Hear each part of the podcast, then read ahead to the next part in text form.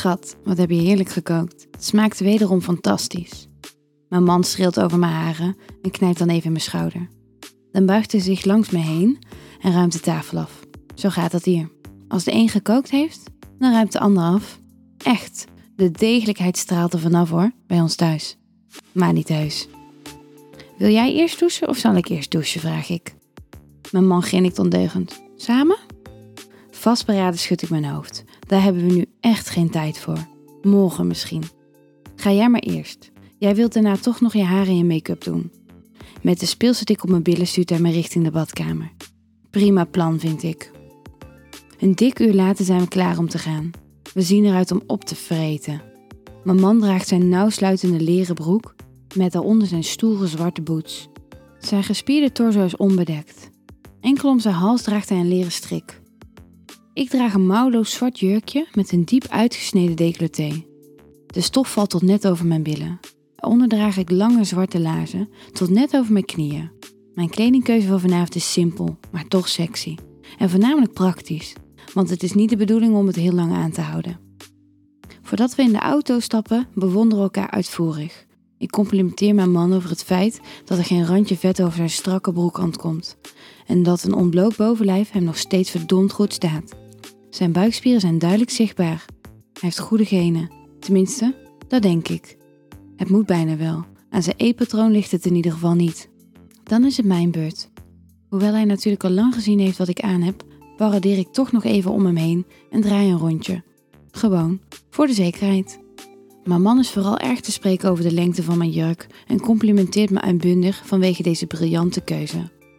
Weet je wat ik het plezierigste vind van deze lengte? Ik schud glimlachend mijn hoofd en ben benieuwd wat mijn man heeft bedacht.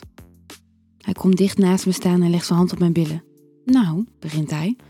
Als we dan ergens op een feestje zijn, hoef ik niet de hele partij stof omhoog te schuiven als ik je even wil teasen. Lachend om zijn eigen grap laat hij toch even zijn hand onder het jurkje verdwijnen en streelt over het kruisje van mijn string. Nee hoor, gekheid, grinnikt hij dan. Je ziet er super lekker uit. Hij slaat de arm om me heen en drukt me stevig tegen zich aan. Ik hou van je, knappe dame. Ik hef mijn hoofd naar hem en geef hem een kus. Weet ik. Ik ook voor jou.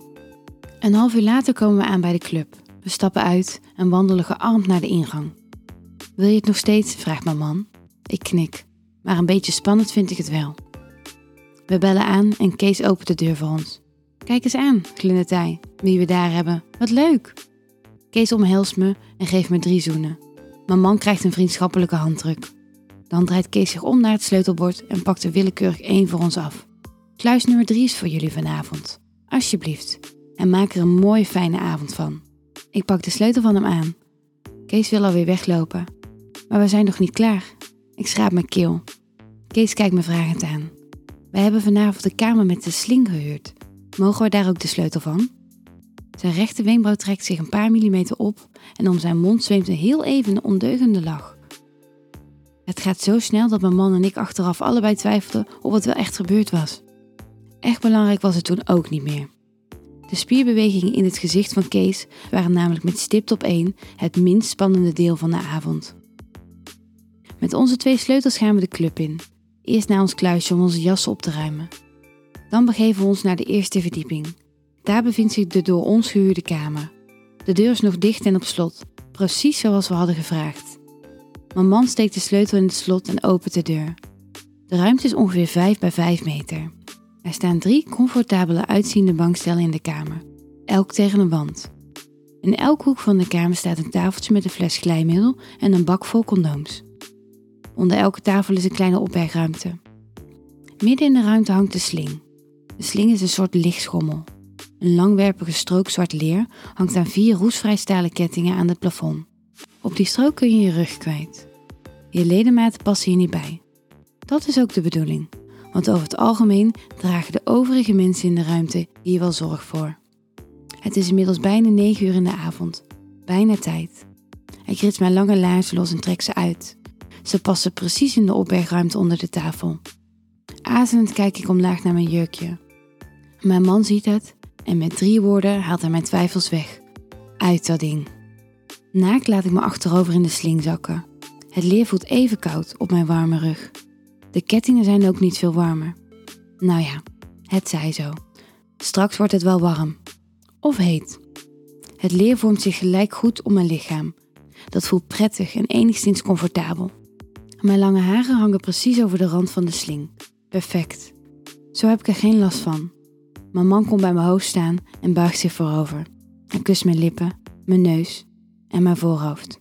Ik ben er constant bij, stelt hij me gerust. En als het voor jou niet meer goed voelt, dan zeg je het gelijk, oké? Ik lach en knik. Natuurlijk hebben we dit al uitgebreid samen besproken. Lief van hem om het nog even te herhalen, zo vlak voor het moment suprême.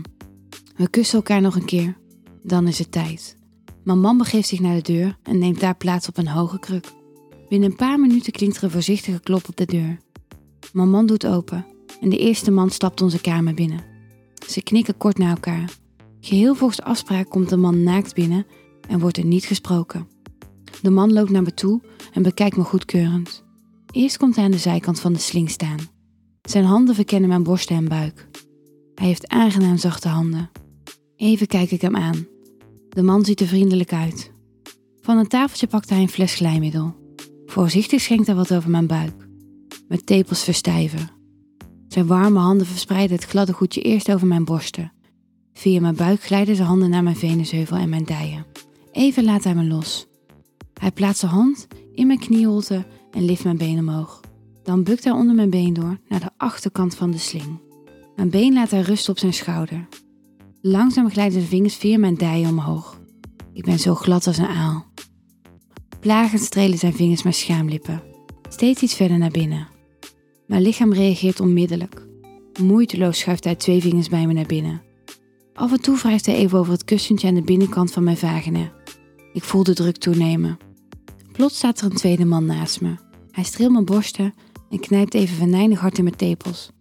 Ik schrik er even van. Maar dan is de pijn ook alweer weg.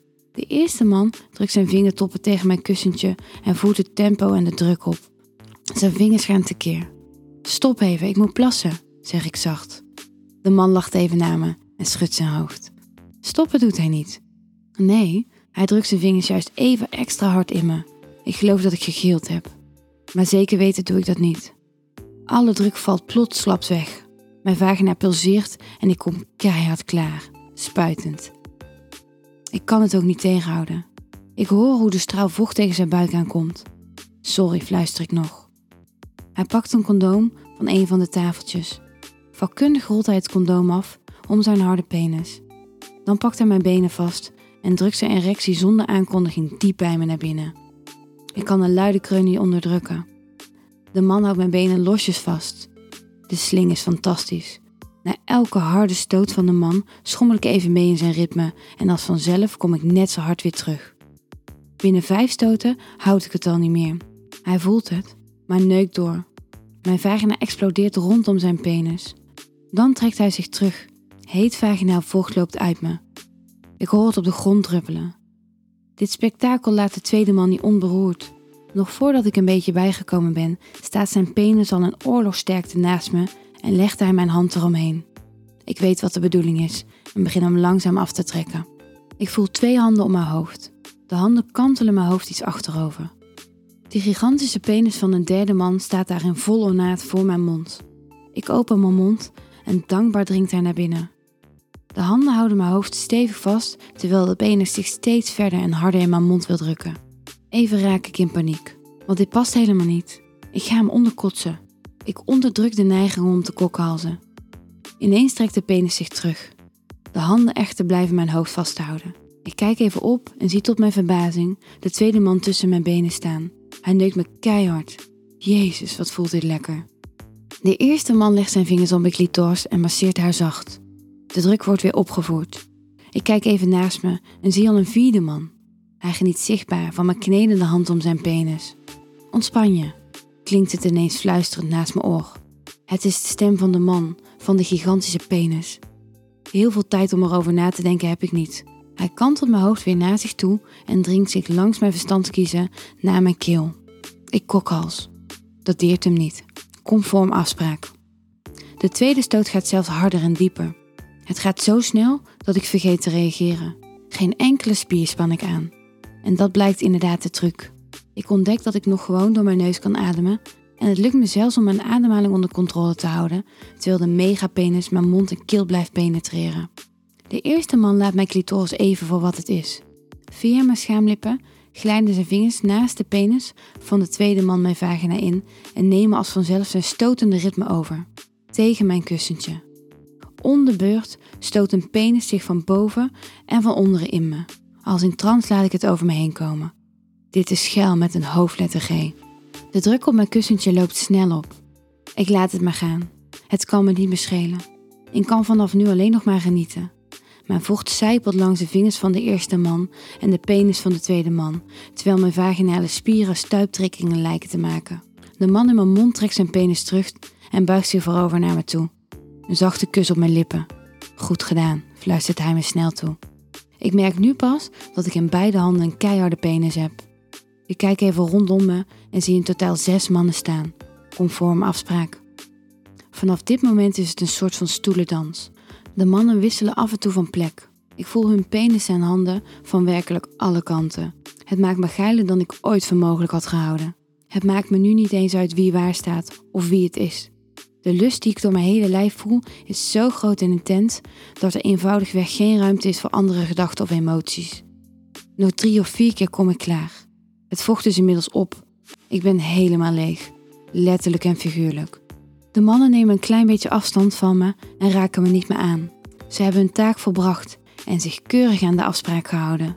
Er rest nu nog één gezamenlijke afsluiting. Mijn man voegt zich nu ook tussen de andere mannen. Hij grijnt van oor tot oor naar. Dan zijn zeven paar ogen op mij gericht. Zeven handen gaan zeven penissen keihard laten spuiten. Veel tijd hebben ze niet nodig. Ik laat me uitgeput en voldaan helemaal in de sling zakken en laat het zaad van zeven mannen als een warme, zachte deken over mij neerdalen. Wil jij nou meer spannende verhalen? Luister dan naar Charlie's Avonturen, een podcast van Easy Toys.